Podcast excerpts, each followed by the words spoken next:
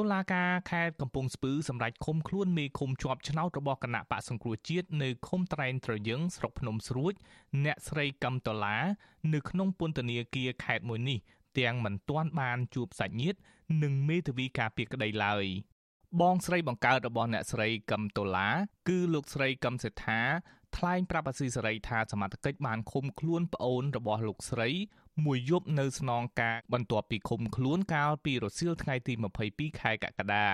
លោកស្រីបន្តថាលុះដល់ព្រឹកថ្ងៃទី23ខែកក្កដាសមត្ថកិច្ចបានបញ្ជូនអ្នកស្រីកឹមដុល្លារទៅសាលាដំបងខេត្តកំពង់ស្ពឺមួយសន្ទុះហើយក៏សម្រេចបញ្ជូនទៅឃុំខ្លួនក្នុងពន្ធនាគារតែម្ដង ដោយមិនអនុញ្ញាតឲ្យជួបសាច់ញាតិនិងមេធាវីការពារក្តីនោះទេ លោកស្រីបន្តថាសមត្ថកិច្ចនិងតុលាការមិនបានជូនដំណឹងដល់ក្រុមគ្រួសារអំពីមូលហេតុនៃការចាប់ខ្លួន និងចោទប្រកាន់ពីបទអ្វីនៅឡើយទេ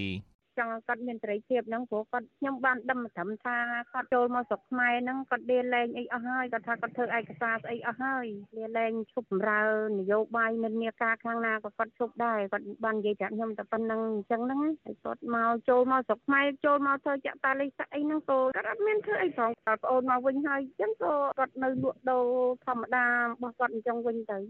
អាស៊ីសេរីមិនអាចតាក់ទងព្រះអាញារង និងជាអ្នកនាំពាក្យសាលាដំបងខេត្តកំពង់ស្ពឺលោកអ៊ូផាត និងអ្នកនាំពាក្យស្នងការដ្ឋាននគរបាលជាតិលោកឆៃកឹមខឿនបានទេដោយទូរស័ព្ទចូលពុំមានអ្នកទទួល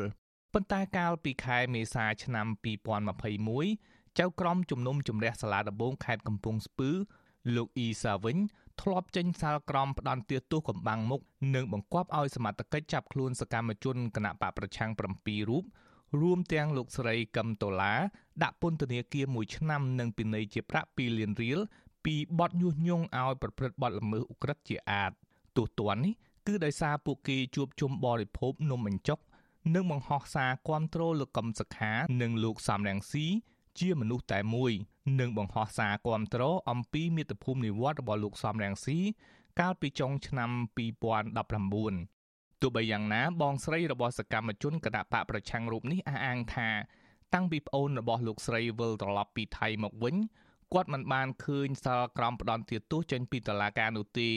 ស្រាប់តែសុកសុកសមត្ថកិច្ចបានចាប់គាត់នៅផ្ទះតែម្ដងលោកស្រីកឹមសេដ្ឋាបញ្ជាក់ថានៅមុនការចាប់ខ្លួននេះ មន្ត្រីប៉ូលីសនៅមូលដ្ឋាន បានទៅជួបនិងលួងលោមលោកស្រីកឹមតូឡាឲ្យចុះចូលជាមួយគណៈបកប្រជាជនកម្ពុជាប៉ុន្តែគាត់បដិសេធដោយថាគាត់មានជំងឺ និងចង់ធ្វើជាពលរដ្ឋសាមញ្ញដើម្បីរកស៊ីលក់ដូរបន្តិចបន្តួចនិងមើលថែឪពុកម្ដាយចាស់ជរាចា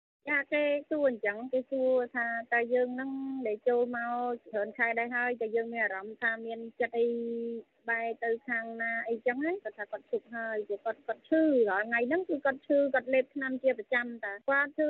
អាលៀកកាពះពវៀនហើយគាត់ដុសសាច់កហ្នឹងសាច់កហ្នឹងគាត់ដុសតាំងពីមុនដែលថា